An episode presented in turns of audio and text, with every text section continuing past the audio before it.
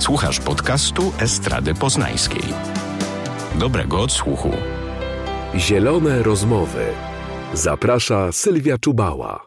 Do zwiększenia zainteresowania kwestiami klimatycznymi, upowszechnienia pojęć takich jak globalne ocieplenie, katastrofa klimatyczna, sprawiedliwość i neutralność klimatyczna, doprowadziły w ostatnich dwóch latach na pewno masowe strajki uliczne dzieci i młodzieży.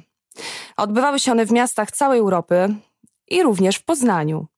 E, w szóstym odcinku Zielonych Rozmów porozmawiamy o młodzieżowym aktywizmie i o największym bodajże ruchu obywatelskiego nieposłuszeństwa pod wodzą dzieciaków. W studio są dzisiaj ze mną reprezentacji poznańskiej grupy Młodzieżowego Strajku Klimatycznego. Witam serdecznie Martę Walkowiak. Dzień dobry, cześć. I Wojtka Stangierskiego. Dzień dobry. No tak, ja tutaj w mojej zapowiedzi e, powiedziałam dzieciaków, e, młodzieży, młodzieży, mhm. jak najbardziej. Słuchajcie, moje pierwsze pytanie do was. Powiedzcie tak szczerze, jakie emocje i uczucia towarzyszą e, młodym ludziom w obliczu no, tej katastrofy klimatycznej, która, która jest faktem? Jakie emocje? Matko, myślę, że w przypadku, gdy mówimy o tak rozległym ruchu, to spektrum tych emocji jest bardzo szerokie i to kogo by się nie zapytał, odpowiedź pewnie będzie inna. Ale na pewno takie powielające jakieś schematy w odpowiedzi to była bezsilność i złość, bo no, nie oszukujmy się, tego typu ruchy są pewnego rodzaju przejawem aktu desperacji. W momencie tego, jak bardzo nieunikniona jest teraz katastrofa, jak daleko zaszliśmy, to chyba o czymś takim jak desperacja możemy ze spokojem mówić. Jakaś taka poczucie bezsilności, a naraz taki jakiś ostatni zryw i chęć działania to jest, to jest coś, co pewnie wszyscy czujemy.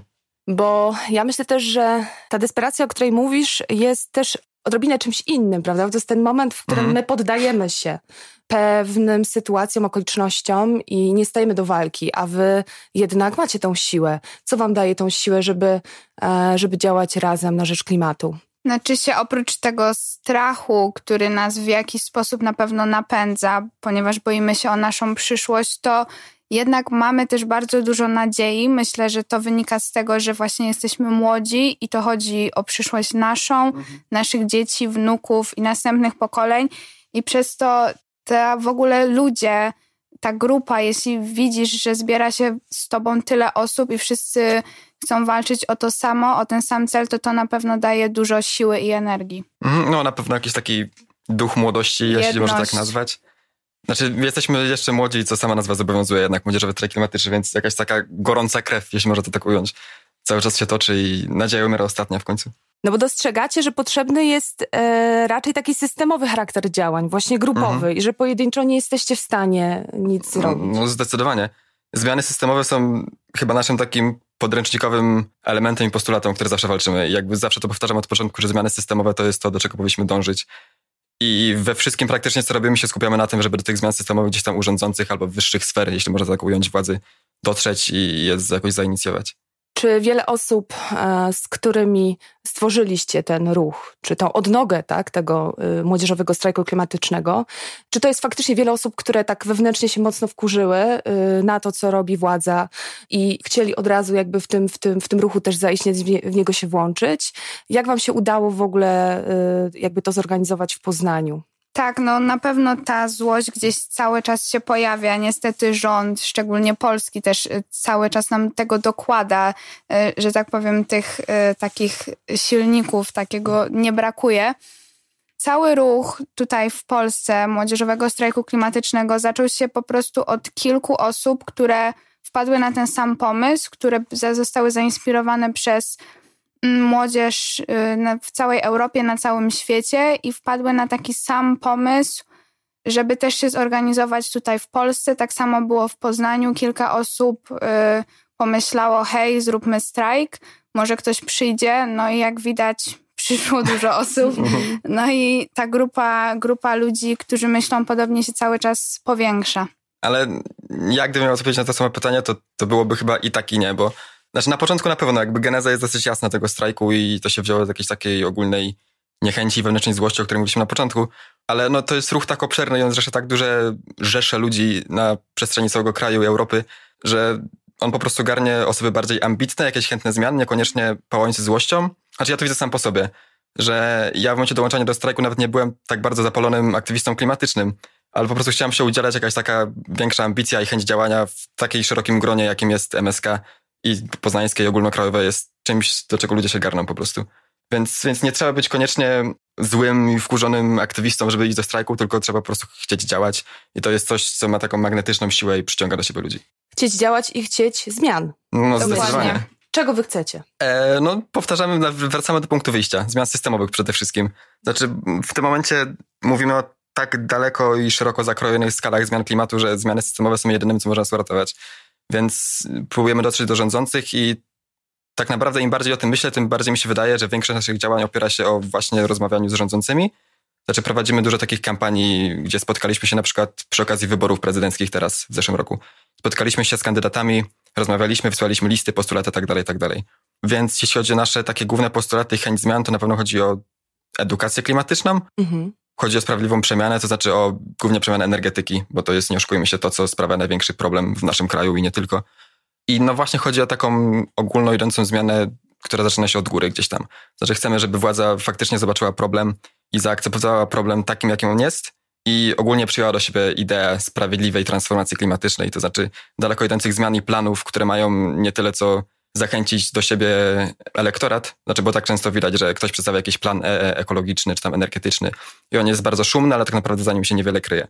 Więc chodzi o takie zmiany, które faktycznie jakąś transformację zaczną i nam pomogą a nie tylko będą pięknie wyglądającą, błyszczącą bombką na przestrzeni swojej kampanii politycznej. I co też ważne, my zdajemy sobie sprawę z tego, że to nie tylko chodzi o naszą przyszłość, ale nieraz też to, co jest tu i teraz. Ważne jest w transformacji energetycznej słowo sprawiedliwa, ponieważ my nie chcemy zostawić na przykład górników na lodzie, tak, bo to też o nich w dużej mierze chodzi.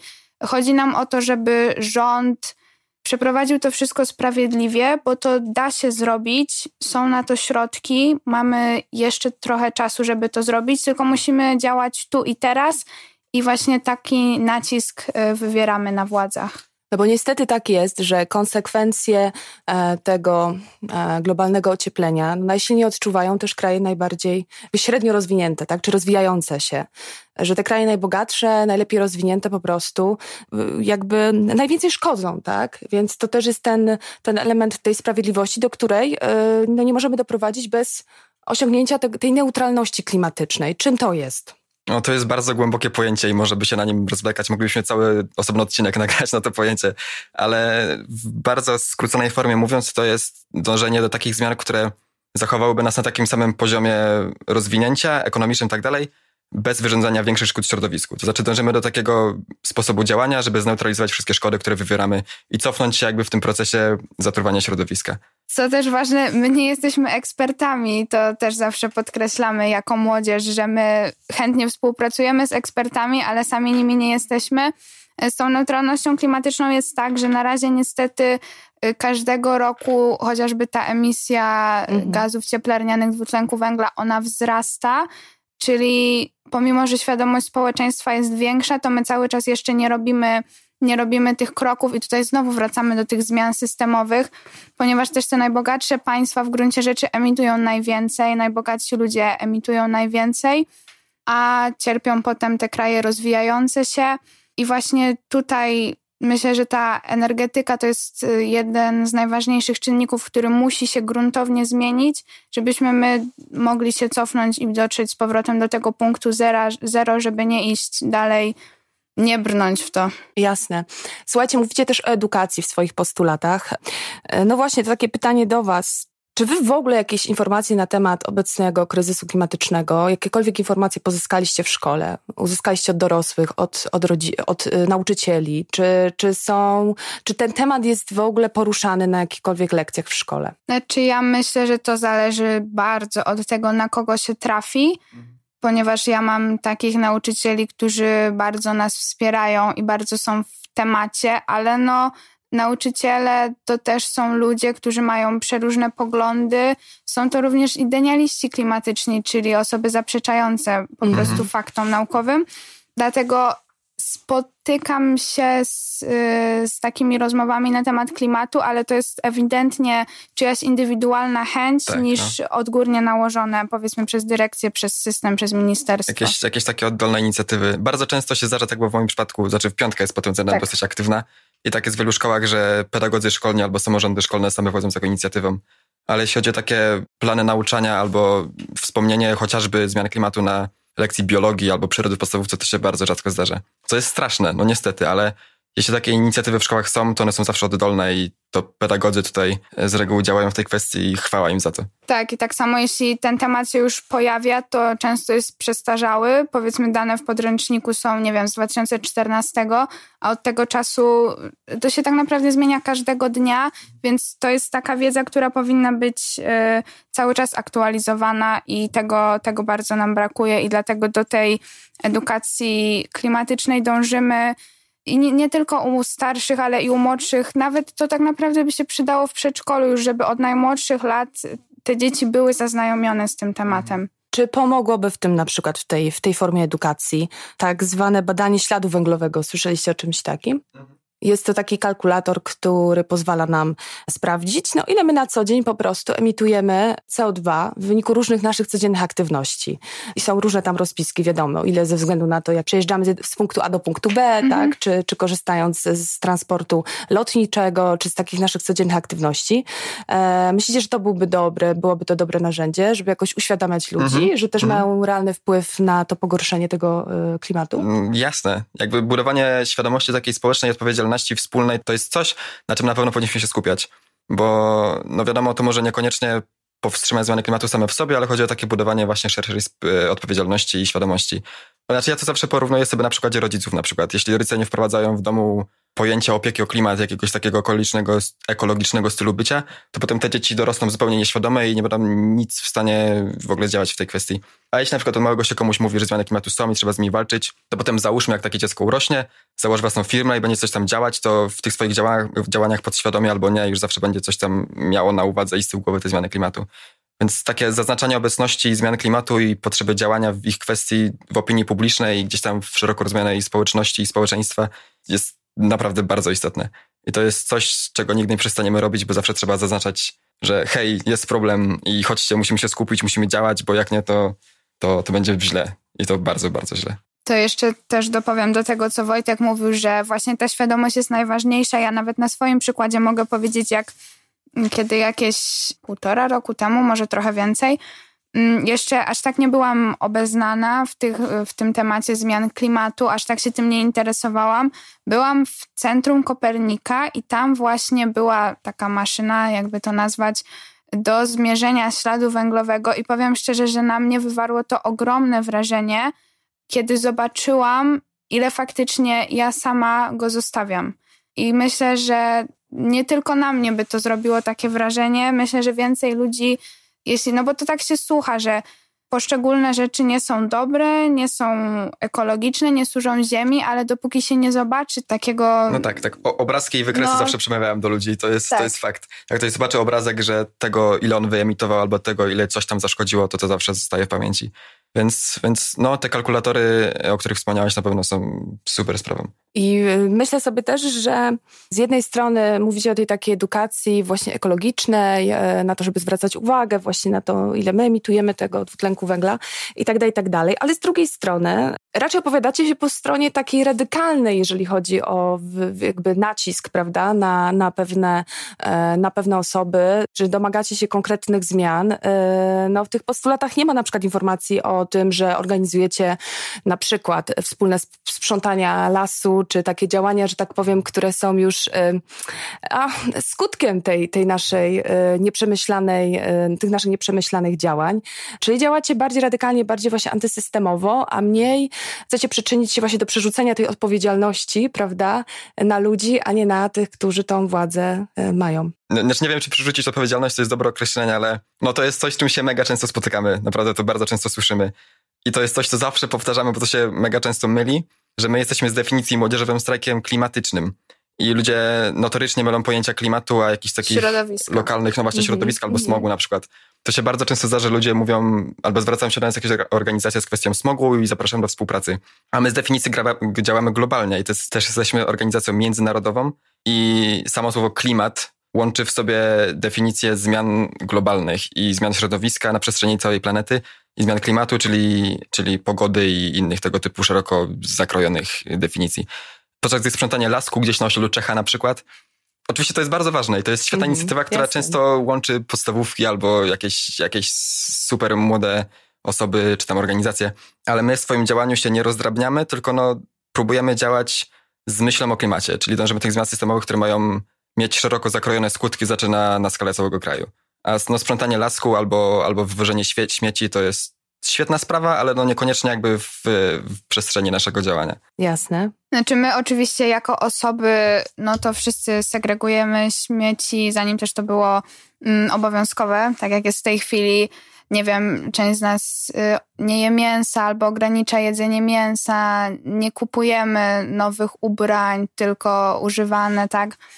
Mm, ale to są te zmiany indywidualne, do których my też oczywiście w jakiś sposób ludzi zachęcamy, ale nasze działania głównie skupiają się ponownie, wracamy do tych y, zmian systemowych, ponieważ no bez tego nie ruszymy dalej. Fajnie, że właśnie ktoś sprząta las, tylko że posprzątamy las i co dalej? Y, za tydzień znowu ten las będzie zaśmiecony, zrobiliśmy coś dobrego i te inicjatywy jak najbardziej popieramy, ale nie skupiamy się na nich przede wszystkim i właśnie dlatego też nie ma czegoś takiego w naszych postulatach.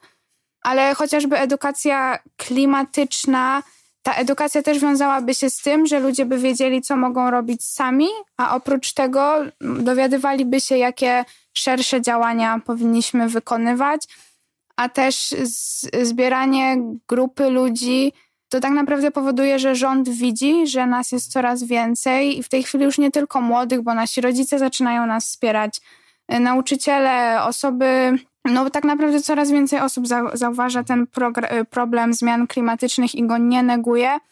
No i y, to się przeradza właśnie znowu w to naciskanie na, na rządy, nie tylko tu Polski i Europy, ale na całym no, świecie. No, właśnie, bo trzeba pamiętać, że my jesteśmy z punktu wyjścia i od samego początku ruchem międzynarodowym. Więc w, jako, że jesteśmy ruchem międzynarodowym, to skupianie się na tak bardzo lokalnym działaniu jak sprzątanie lasków albo brzegów rzeki jest, no trochę, trochę się nie łączy. To by się kłóciło i my myślimy szerzej szerzej, bardziej antysystemowo i chcecie dotrzeć do źródła problemu, tak. jak rozumiem. E, ja absolutnie to rozumiem i, i wspieram też mocno. E, wspomnieliście o tym, że tak wiele osób się dołącza do waszego ruchu. Powiedzcie proszę, w jaki sposób działacie na co dzień? Jesteście taką grupą, ruchem niehierarchicznym, nie macie zupełnie liderów, e, wszystkie osoby u was są jakby no, no, równo traktowane, działacie jakby na tych samych zasadach. Czy macie jakieś grupy robocze? Czy zajmujecie się w tej chwili aktualnie jakimiś sprawami, które są, które są ważne. Tak, no jakby cała struktura naszej pracy polega na tym, że, że no właśnie, jakby nasza niehierarchiczność jest tutaj kluczowa. My jesteśmy, to może nie jest dobre określenie, ale taką szarą masą ludzi. Jesteśmy szarą masą ludzi ambitnych i rozsianych po całym kraju i łączymy się na takich ogólnopolskich portalach albo grupach, czy jakichś zgrupowaniach, cokolwiek. Łączymy się w takie grupy robocze, które działają nad osobnymi projektami. I to nie jest tak, że jesteśmy jednym strajkiem klimatycznym, który ma swoje poddziałania i jakoś tam idzie w tabelce, tylko może być kilkaset tysięcy, czy tam dziesiąt, cokolwiek członków MSK i każdy z nich jest sobie w swojej grupie roboczej, działa w coś tam w swoim zakresie i na przykład ja będąc jednym członkiem mogę być w pięciu grupach roboczych, ktoś tam jest w innych pięciu i te wszystkie grupy robocze pracują nad projektami, które się łączą pod jednym parasolem młodzieżowego strajku. I to jest taka trochę rozsiana, ale w gruncie rzeczy bardzo poukładana struktura i, i taki system, który się gdzieś tam mhm. łączy w jednym, w jednym punkcie, który jest młodzieżowym strajkiem, ale pracuje na wielu tam płaszczyznach, przestrzeniach i, i krajach. Tak, każdy z nas działa przede wszystkim w swojej grupie lokalnej. Te grupy lokalne należą do ogólnopolskiego młodzieżowego strajku klimatycznego. No i grupy lokalne pomagają nam się zorganizować tutaj w miastach, nie tylko miastach, też w mniejszych miejscowościach, e, w których mieszkamy i potem no, te nasze naj, najbardziej charakterystyczne działania jak strajki, no to do tego są nam potrzebne te grupy lokalne i też dzięki temu możemy tworzyć jakąś społeczność w swoim miejscu zamieszkania. Ale oprócz tego, tak jak Wojtek mówił, mamy masę, masę tych grup roboczych. Każda zajmuje się tym, co się akurat dzieje, co interesuje daną osobę, ponieważ jesteśmy bardzo, bardzo różnymi ludźmi. Pochodzimy z zupełnie różnych światów, że tak powiem. Mhm.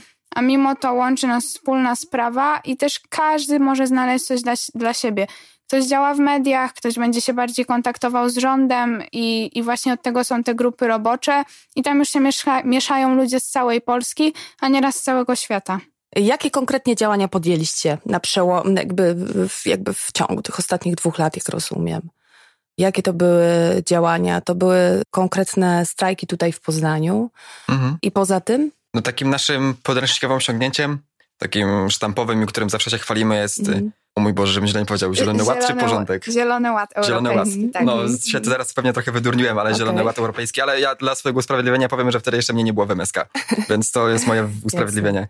Zielony Ład Europejski to jest, nie wiem czy wiesz, to jest taka zarządzenie, się może tak nazwać, przyjęte Mhm. przez Unię Europejską dotyczące właśnie postępu tych zmian klimatu i tego, co możemy robić, żeby im zapobiec.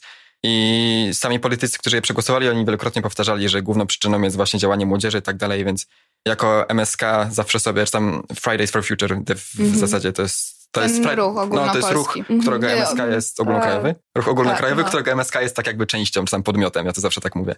I zawsze sobie tak trochę nieskromnie przypisujemy dużą zasługę w osiągnięciu tego Zielonego Ładu. Ale oprócz tego, no, bardzo często się spotykamy z politykami. Albo działamy jakoś tak odrządowo, jako konsultacja w pewnym sensie. Znaczy ja na przykład teraz jestem w takiej grupie roboczej, która zajmuje się edukacją klimatyczną, właśnie jednym z naszych postulatów. Mhm.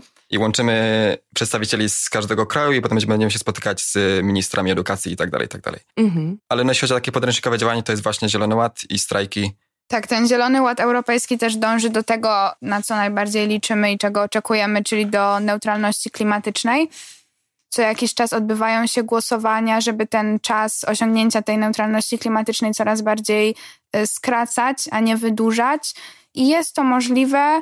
Niestety Polska tutaj często przeszkadza w Nie tym. ma się czym popisać za bardzo. Tak. No. E, Dlatego w tej chwili też naciskamy tutaj na rząd, żeby po raz kolejny no, nie powiedzieli nie, jak wszyscy mówią, że tak, że Mhm. robimy tą neutralność klimatyczną, że tak powiem. No i właśnie sam Parlament Europejski bardzo podkreśla, że oni zauważyli ten problem dzięki temu, że młodzież na całym świecie, w Europie w szczególności, tak się zorganizowała i to im otworzyło oczy na tak naprawdę największe zagrożenie, z jakim ludzkość miała do czynienia. A dlaczego ten temat neutralności klimatycznej jest taki problematyczny dla polskiego rządu? O, to jest Pieniądze. cie- ciężkie pytanie. ciężkie pytanie. To na pewno wynika z e, pewnego charakteru polskiego elektoratu. Trochę wchodzimy teraz na kontrowersyjne tory. To jest, to jest bardzo cienki lud, więc ja boję się. No, nie, ja nie wiem, co mogę powiedzieć, dlaczego bardziej, nie. Ale E, chciałabym was sprowadzić już bardziej do ziemi, do tej, tej która jest, e, że tak powiem, zagrożona. Chodzi, chodzi o, o takie mm, e, konkretniejsze może dane. No przede wszystkim, ty już chyba wspominałaś wcześniej, ilość osób zatrudnionych w polskich elektrowniach węglowych i górnictwie węglowym. To jest e, 100 tysięcy osób. No i fakt, że 80%, no tak, 80% taki jest udział w miksie energetycznym Polski, e, w e, jakby ma węgiel jakby, tak? I jakby zmiana tych, jakby systemowa, strukturalna jest e, cholernie trudna, żeby ją w ogóle wprowadzić, żeby doszło do jakichkolwiek zmian.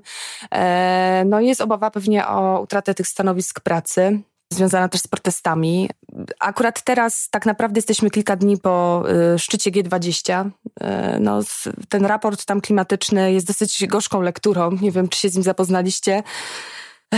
No, że Europa z jednej strony, prawda, przecież odwraca się od tego węgla, z drugiej e, bardzo silnie jednak lekceważy rozwój zielonych gałęzi przemysłu chociażby.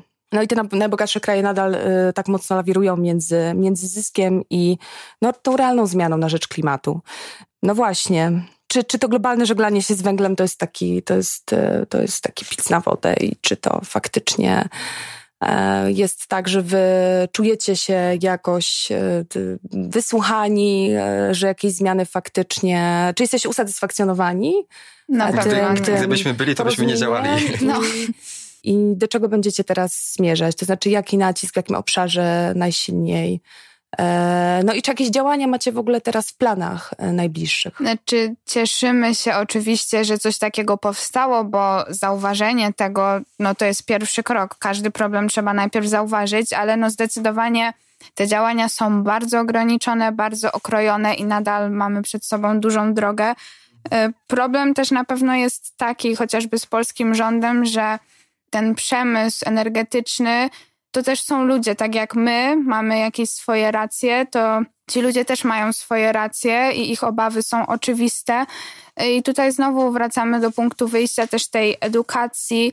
Rząd jest w stanie to wszystko zapewnić, nowe miejsca pracy, bo przecież energia będzie wytwarzana nadal, tam nadal będą potrzebni ludzie, tylko no No, trzeba przebranżować po prostu Tak. całą energetykę, a to jest, to jest wyzwanie bardzo, bardzo duże, jesteśmy tego świadomi, ale no jest też konieczne, nie oszukujmy się. I teraz problem z Polską jest taki, że nasza energetyka jest w pewnym sensie może nie tyle co zacofana, ale zdecydowanie nie nastawiona na odnawialne źródła energii. I uzależniona od I też, węgla na no, razie. nie mamy nawet warunków Oczywiście. za bardzo, więc Mhm. jesteśmy w tym momencie w złej pozycji, ale takie odcinanie się od problemu, jakie w tym momencie przedstawia Polska i wetowanie i kategoryczne odcinanie od Mhm. siebie w ogóle problemu i nie chcenie o nim słyszenia, nie, nie chce się o nim słyszeć w ogóle, no nic nie nie osiągniemy. Jest bardzo I trzeba- krótkowzroczne. Trzeba przyjąć do siebie taką świadomość, że działania są konieczne i są nieuniknione.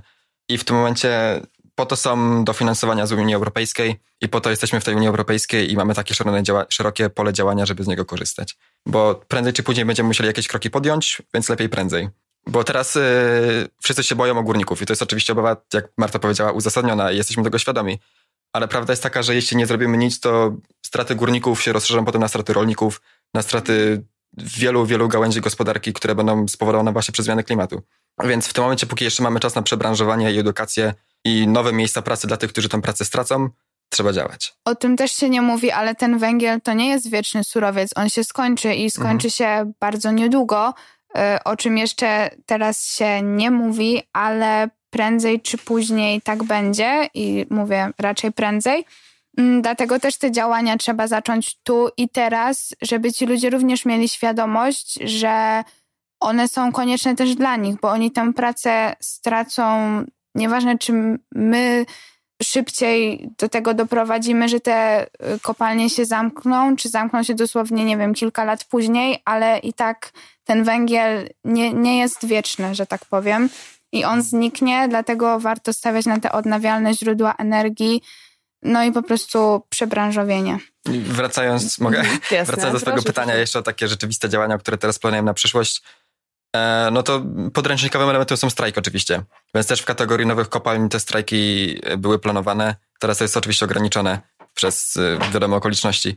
Ale jeśli chodzi o budowę nowych kopalni i otwieranie ich do użytku, czy tam elektrowni, też zawsze gdzieś tam mieliśmy z tyłu głowy jakieś potencjalne strajki, protesty. I zawsze jesteśmy teraz myślami z następną Radą Europejską, która będzie w grudniu, znaczy jej posiedzeniem. Więc jakieś kampanie medialne i, i działania pod tym względem, zależnie, tego, zależnie od tego jeszcze, jaką decyzję Polska podejmie.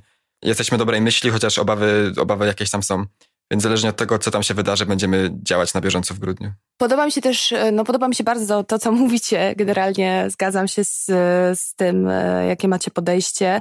Przede wszystkim podoba mi się to, że macie takie podejście jakby łączenia wielu walk, e, włączania bardzo wielu tematów właśnie w przestrzeń tej debaty, żeby też uczyć ludzi, mam wrażenie, takiego bardziej holistycznego spojrzenia na katastrofę klimatyczną. No bo zmiany klimatu są, nie wiem, czy się zgodzicie, też no, dowodem moim zdaniem na to, że ten model ekonom- ekonomiczny generalnie, prawda, kapitalistyczny, oparty na wyzysku człowieka, natury, no, że, że cały ten model po prostu zmierza w takim kierunku no, jakiegoś upadku, no, powinien zostać po prostu obalony. Jakby kapitalizm też jako system, myślę, że ta obrona klimatu może być też mocnym uderzeniem w kapitalizm.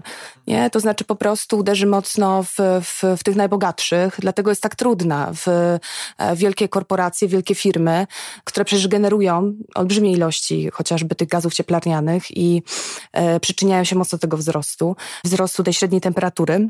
No właśnie, to jest taka walka dla mnie bardzo y, mocna i, i nie tylko właśnie, głównie walka o klimat, ale generalnie walka z, z tym systemem takim kapitalistycznym.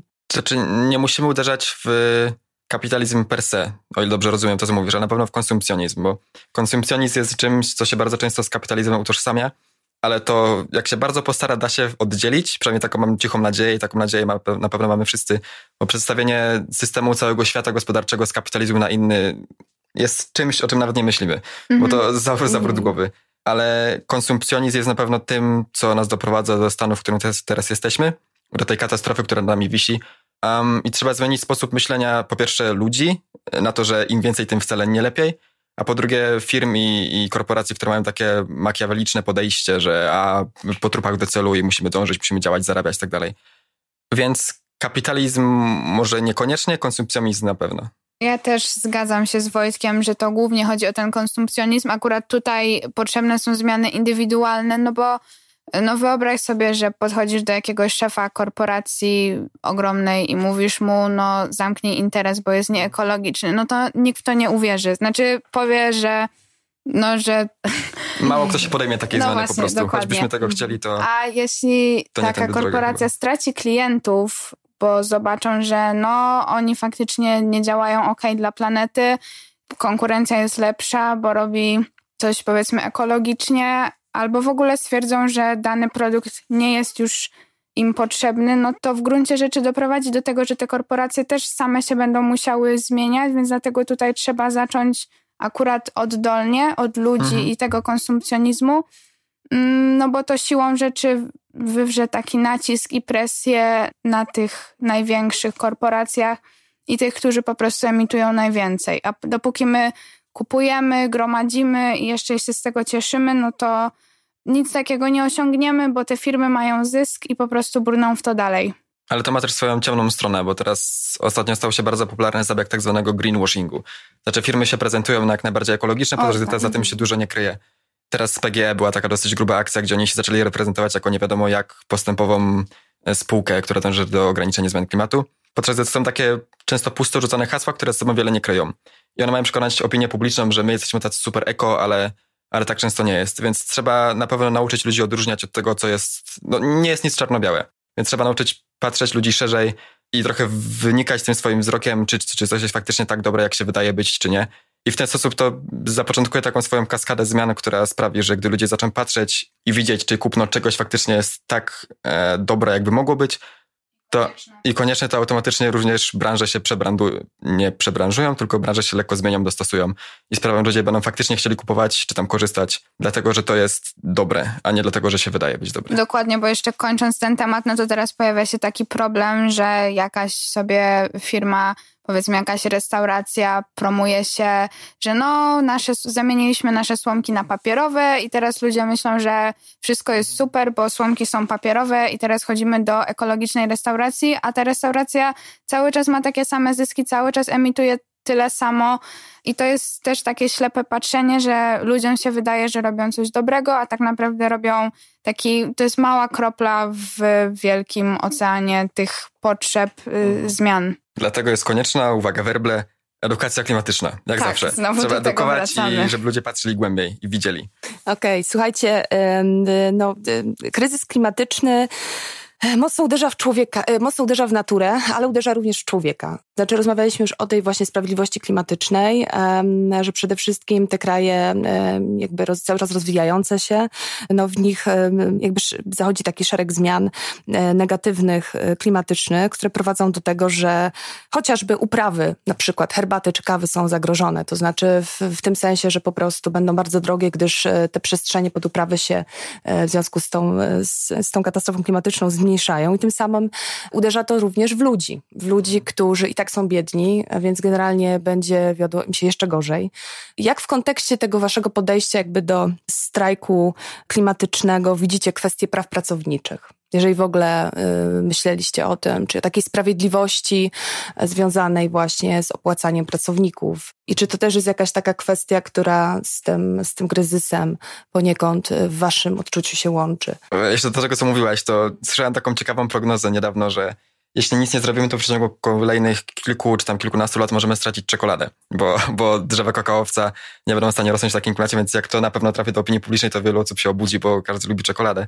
No, my stracimy właśnie ale tę czekoladę, chodzi... ale ci, którzy ją jakby wytwarzają, prawda, -hmm. czy jakby -hmm. są mhm. przy tych zbiorach, po prostu ich straty będą, myślę, dużo, dużo większe. No tak, tak. Znaczy, prawda jest taka, że i tak ci ludzie często są w słabej pozycji ze względu na, wy- na wykorzystywanie. I jakieś plantacje w Kolumbii czy tam w Wietnamie, no bądźmy szczerzy, niekoniecznie traktują swoich pracowników tak, jakby powinny i, i każdy jest tego świadomy. Dlatego też konieczne jest korzystanie ze wszelkiego rodzaju certyfikatów, które często Unia Europejska wystawia. Czasami na produktach są jakieś zielone listki albo gwiazdki, które świadczą o produkcie etycznie wyprodukowanym albo z troską o środowisko. Więc forsowanie tego typu reguł Unii Europejskiej też jest czymś, czego co na pewno byśmy chcieli e, i to gwarantuje, że produkty do nas sprowadzane są wyprodukowane po pierwsze etycznie i po drugie z troską o środowisko. Znaczy, że ci ludzie są dobrze opłaceni i to znaczy, że emisje spowodowane przy produkcji są jak najmniejsze. Więc tego typu regulacje Unii Europejskiej i znowu zmiany systemowe są czymś, do, tego, do czego dążymy, bo to zapewnia, że faktycznie to, co jest sprowadzane do kraju albo w tym kraju produkowane, jest produkowane z jakąś taką większą świadomością. Że Myślą... nie przyczyniamy się do wyzysku po prostu. Dokładnie. Przez dokładnie. zakup jakichś niesprawdzonych produktów. Mhm. Więc tutaj chodzi na pewno głównie o prawo. To znaczy musimy zwracać uwagę na to, co produkujemy, jak produkujemy, jeśli nie produkujemy tego w kraju, to to skąd i jak sprowadzamy. I te wszystkie regulacje Unii Europejskiej albo państwowe są, są, jak na, są na pewno kluczem i są tym, na czym powinniśmy się skupiać? No też nasz y, ostatni strajk y, zorganizowany we wrześniu tego roku właśnie dotyczył przede wszystkim tej sprawiedli sprawiedliwości klimatycznej, bo nie oszukujmy się też, gdyby temat dotyczył, nie wiem, tylko roślin, zwierząt, y, tego czy wyschnie jakieś tam jezioro, czy nie, no to mało kto by się tym zainteresował, a że dotyczy ludzi, to to zaczyna do nas docierać bo uświadamiamy sobie, że hej, to jest o mnie, to jest o tobie mm, i o każdym innym. No i właśnie jeśli chodzi też o tych pracowników, to znowu tutaj wracamy też do tej edukacji, znowu wracamy do przebranżowienia, do tych zmian systemowych. Tak naprawdę, jak widzisz, to wszystko się łączy. Cały czas każde pytanie do tego wraca. I też tak jak Wojtek mówił, te regulacje są bardzo ważne, żeby kupować produkty sprawdzone, nie tylko te najtańsze, ale takie, które wiemy, że zostały wyprodukowane we właściwy sposób, że ktoś dostał za to godną zapłatę, że one, że to, że ja to jem, to nie przyczyniło się jakoś bardzo do zniszczenia planety. I na tym też się trzeba skupić, i to znowu jest coś, czego ludzie się muszą nauczyć. Czyli słuchajcie, no, czyli całkowitej praktycznie przebudowie musi ulec, że tak powiem, nasz system myślenia. No tak, tak. Generalnie o świecie, w którym żyjemy. E, zarówno to, w jaki sposób pozyskujemy energię. E, musimy zużywać mniej zasobów, no tak, no mniej rzeczy kupować. To, to wynika z tego, mhm. że nasz cały świat jest zbudowany na powiedzmy, na, na pewno dużo więcej, ale powiedzmy ostatnim tysiącleciu kultury i rozwoju i, i tak dalej, kształcenia. I rewolucja przemysłowa tutaj ma na pewno duży skutek i cały czas budujemy na tych ostatnich 500 czy tam tysiącu lat innowacji, ale problem w tym, że przez te ostatnie tysiąc lat problem klimatyczny nie istniał. To jest tak świeża sprawa, znaczy ona jest de facto stara na przestrzeni życia ludzkiego, ale na przestrzeni wieków to jest i rozwoju ludzkiego to jest sprawa na tyle świeża, że no nikt o tym wcześniej nie myślał. I jakby całe nasze struktury państwowe i systemy są tak zbudowane, że że ona jest po prostu nieuwzględniona. Co trzeba zmienić, bo trzeba działać teraz i to jest sprawa na tyle nagląca, że nie, nie możemy sobie pozwolić na kolejne 300 lat przestrukturowywania. Ale no właśnie z tego wynika problem. No tak, zgadza się. Y, to znaczy ponoć tak do 2050 roku, jeżeli nic z tym wszystkim nie zmienimy, to średnia temperatura wzrośnie o kolejny stopień. Mhm. Przy dwóch stopniach y, tej wzwyżki sytuacja będzie katastrofalna. No, nie jestem w stanie się z pamięci powołać na żadne źródło takie rzetelne, ale 2,3-4 stopnie to jest już sytuacja, w której mhm. no, możemy się żegnać z tym światem. Mhm. No już niestety. półtora stopnia Celsjusza według raportów IPCC już jesteśmy na takiej złej drodze i do tego nie chcemy dopuścić. Znaczy na złej drodze jesteśmy już teraz. Znaczy ale... tak, już jesteśmy Jasne. na złej drodze, ale wtedy... Jest dramat. Tak. I wtedy Boimy się tego, że ludzie dopiero wtedy zauważą, że jest źle, a wtedy będzie zdecydowanie za mm. późno, bo już tego nie odwrócimy. A w tej chwili tego czasu nie mamy dużo, ale możemy działać każdego dnia i nadal jesteśmy w stanie wszystko zmienić. Właśnie problem jest taki, że te zmiany gruntowne są potrzebne, ponieważ na przestrzeni wieków, odkąd właściwie ludzkość istniała, człowiek zawsze chciał się rozwijać i zawsze szedł do przodu, a już szczególnie od tej epoki od tej ery przemysłowej my cały czas widzimy, że możemy więcej, możemy lepiej. No tak jak jest, nie wiem, chociażby z telefonem. Za każdym razem wydaje nam się, że nasz telefon już nie może być lepszy, że już po prostu on ma wszystko w sobie, a potem dostajemy nowy produkt, który kupujemy, bo okazuje się jeszcze lepszy, a w, w kwestii zmian klimatu my musimy się nieco cofnąć po to, żeby móc iść dalej w ogóle jako ludzkość. Jakie są te konsekwencje globalnego ocieplenia? takie, na chwilę obecną? Na chwilę obecną, takie, które, które znamy z informacji, z wiadomości, takie, które zauważyć możemy na co dzień. No te, o których wszyscy słyszymy. Na pewno no, podnoszenie się poziomu wód to jest coś, co każdy słyszał. Ekstremalne warunki pogodowe, znaczy, no w Stanach codziennie się, znaczy codziennie, co rok się bije rekordy nowych huraganów i naprawdę um, huragany to jest coś, co w Stanach jest teoretycznie normalne, bo one naciągają za to oceanu zawsze ale nie tak rekordowe, nie tak niszczące. Tajfuny, podnoszenie się wód, wymieranie gatunków to jest coś, o czym wszyscy słyszymy. Ale mało kto myśli o takich problemach społecznych typu emigranci klimatyczni, mhm. bo imigracja, emigracja to jest coś, co na pewno będzie miało miejsce w momencie, gdy te strefy bardziej przyrównikowe staną się nie do życia. A to się stanie i to wcale w nie tak odległej przyszłości. Więc gdzieś tych ludzi będzie trzeba podziać, a populacja ludzkość, populacja świata oczywiście nadal rośnie. Więc e, na pewno będziemy zauważać taki ruch ludu na górę i na dół, to znaczy bardziej w okolice północy, południa, z daleko od tego równika. bo to jest sfera, która po prostu nie będzie przystosowana do życia. I wypustynianie i, i ekstremalne warunki pogodowe sprawiają, że tam ludzie są gatunkiem bardzo uniwersalnym i jesteśmy w stanie podołać wszędzie, co gwarantuje nam właśnie te kilkadziesiąt tysięcy lat rozwoju jako gatunku ludzkiego. I sam fakt, że siedzimy teraz przed mikrofonem sprawia i świadczy o tym, że jesteśmy sobie dać radę wszędzie. Ale dojdzie do takiego momentu, kiedy już nie będziemy w stanie. I przyjdzie taki moment, kiedy nasza technologia już nie będzie w stanie nas uratować, niestety. I to będzie taki, taki punkt zwrotny, gdzie, gdzie już nie będziemy w stanie na sobie polegać. I to będzie taki punkt zwrotny, gdzie nasze działania będą już na tyle ignoranckie, że zostanie nam tylko ucieczka, a wtedy już będzie za późno. Bo to jest coś, o czym też ludzie często zapominają, że istnieje pewien punkt krytyczny, do którego gdy dotrzemy, te zmiany klimatu staną się nieodwracalne. I jeszcze w nim nie jesteśmy, ale to jest naprawdę bardzo, bardzo niedaleko. Ludzie często mają, mam wrażenie, tak z tyłu głowy, że gdzieś tam zmiany klimatu są, ale czy zrobimy coś dzisiaj, czy jutro, to już tam, co ma być, to będzie. Ale z tym, że co ma być, to nie będzie, bo jak nie będzie, to, to nie będzie. I, I po prostu to się dla nas skończy fatalnie i możemy marsze pogrzebowe już pisać teraz. No i też co jest ważne, my ludzie często myślą, że no problem jest, ale nie dotyczy mnie, ktoś to zrobi za mnie, ale nikt tego nie zrobi za nas. To się dzieje tu i teraz, to się dzieje na przestrzeni naszego życia. To jest to pokolenie, które właśnie musi, musi się zmienić, żeby w ogóle ludzkość mogła dalej istnieć. Mm, jeśli dojdzie do tych migracji, no to będziemy wszędzie zauważać w Polsce, na całym świecie do, dojdzie do przeludnienia, które już się w niektórych regionach świata pojawia ze względu na stały przyrost ludności, a ta ludność jeszcze będzie musiała gdzieś mieszkać. Zacznie brakować jedzenia, zacznie brakować wody. Wody słodkie też wysychają, a potrzeb jest coraz więcej. I jeszcze też do tych skutków, które widzimy teraz, no to chociażby, że w zeszłym roku w Poznaniu nie było ani jednego dnia, gdzie mieliśmy śnieg. E, w ogóle zima była fatalna. No i to też powinno nam dać do myślenia, że ale jak to nie ma zimą śniegu, a my nie jesteśmy w Afryce, my jesteśmy w Polsce, a zimą jest tak ciepło jak wiosną. No i też takie te fale upałów, te huragany, te ekstremalne zjawiska pogodowe, to jest coś, co usłyszymy w mediach, że to jest y, powiedzmy huragan, który się zdarza raz na 50 lat, ale w tej chwili zdarza się, co roku. Tak.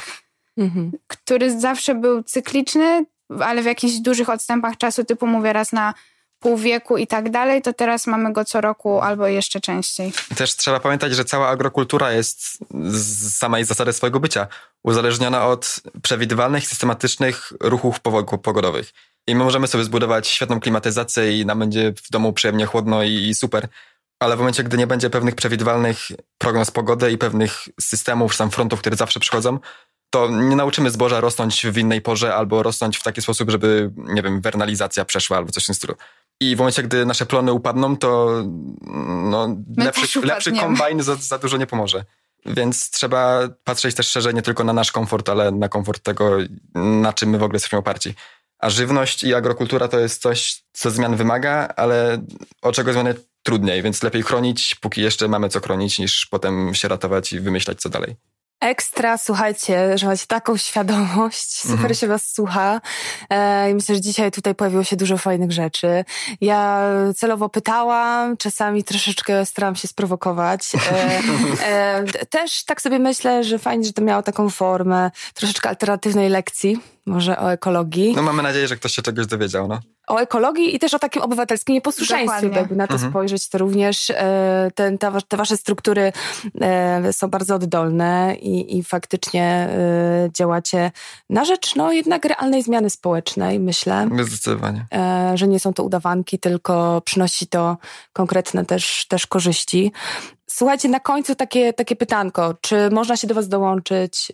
Jak można się dołączyć, gdyby jakaś słuchaczka, słuchacz byli zainteresowani? Jak się do Was zgłosić? E, czym mogliby się zająć na przykład? Jesteśmy e, dostępni w social mediach, na Facebooku, na Instagramie jako Młodzieżowy Strajk Klimatyczny, Młodzieżowy Strajk Klimatyczny Poznań, MSK Poznań, no różne nazwy, ale wszystko w tym stylu. to my. tak. Jak to, jest MSK, to to my. Tak, jak jest MSK, to my. Oczywiście nie tylko w Poznaniu, ale można szukać y, swoich grup lokalnych albo odezwać się, nie wiem, do Poznania, że hej, szukam grupy z Krakowa, powiedzmy. W każdym dużym mieście na pewno jakieś jest. Tak myślę, że ile ma y, Mosina? Mieszkańców, nie wiadomo. Ale no myślę, myślę, że jeśli to nie jest wioska na 200 mieszkańców, to MSK powinno być, bo jesteśmy naprawdę szeroko zakrojeni i jesteśmy prawie wszędzie. Więc każde większe miasto, to, to my tam jesteśmy na 100%. też powinno się protestować. Ale Oczywiście, że tak, są, oczywiście, że są, tak. tak. Dlatego nie ograniczamy się. Jesteśmy w Puszczykowie, w Mościnie i tak dalej, ale, ale gdziekolwiek jest jakieś większe grupowanie ludzi Czyli super, i można miasto, się to... do was dołączyć. Dokładnie się tak, zgłosić. można do nas śmiało pisać. Ja ze swojego doświadczenia powiem, że to się tak czasami wydaje, że jak się patrzy na nas na tym strajku, że no tacy straszni ci ludzie. Ogarnięci, no poważni, nie właśnie, wiadomo co, robią ale- takie super rzeczy. A Nie, nie, my jesteśmy- nie, nie, nie jesteśmy tacy. Ja też się najpierw bałam dołączyć, że co to będzie, a, a naprawdę jest No, super, no, ja, więc ja, ja też miałem takie... się śmieszne takie Tak. e, banerki. Tak, nie? no jasne. Ja, ja miałem Także- takie nie wiadomo jakie wyobrażenie o Ja MSK, tak że to są tacy ludzie, nie wiadomo, jacy o, poważni i, oni tutaj działają, zmieniają świat, pewnie mają jakieś takie powiązania albo z mafią, albo I, z tak, polityką. nie będą chcieli ze mną aż strach. Rozmawiać. Ale Tak. mamy, mamy spotkania otwarte dla wszystkich chętnych. One się często bywają, albo po prostu trzeba do nas pisać i, i wszystko powiemy. No to super, fantastycznie. I Dziękuję zapraszamy wam. na nasze strajki też. Właśnie, Nawet co najbliższego, nad czymś najbliższym pracujecie? No teraz wiadomo, ze względu na pandemię, to ciężko nam podać konkretny termin, ale Mhm. też o wszystkim, jak tylko się jakaś data pojawia, to też informujemy o tym w naszych social mediach i też jeśli ktoś nie chce działać, nie ma czasu, nie ma przestrzeni, ochoty, żeby tak działać, faktycznie organizować, robić te większe akcje, no to zapraszamy do śledzenia nas i przychodzenia potem już na same strajki, bo Mhm. wiadomo, że jest to najbardziej efektowne, ponieważ wtedy mówią o nas media, Mhm. widać nas i widać, że jest tych ludzi dużo. I to nie tylko są młodzi ludzie, coraz częściej przychodzą rodzice, przychodzą emeryci nieraz, także naprawdę to się wszystko rozprzestrzenia, także zapraszamy. No, ale a propos, to mamy jeszcze sposoby, żeby angażować ludzi, którzy nie są koniecznie tak bardzo z... chętni, żeby działać i żeby być. Mamy systemy tak zwanych ambasadorów, to znaczy mamy swoich przedstawicieli w każdej szkole albo placówce takiej edukacyjnej, gdzie nas re- reprezentują, przedstawiają jakieś nasze plany działania i tak dalej do większej społeczności. Więc mamy takie jakieś swoje mechanizmy, które angażują w większym lub mniejszym stopniu, więc dla każdego coś się znajdzie. I to nawet nie ma opcji, że się nie znajdzie. Jak ktoś chce, to zapraszam i coś, coś da się zrobić. Dziękuję wam bardzo. Moją gościnią była Marta Walkowiak i Mhm. moim gościem Wojtek Stangierski Dziękujemy Bardzo. Młodzieżowego Strajku Klimatycznego. Dziękujemy bardzo. Dziękujemy. Producentem podcastu jest Estrada Poznańska. Więcej na estrada.poznan.pl Zielone rozmowy.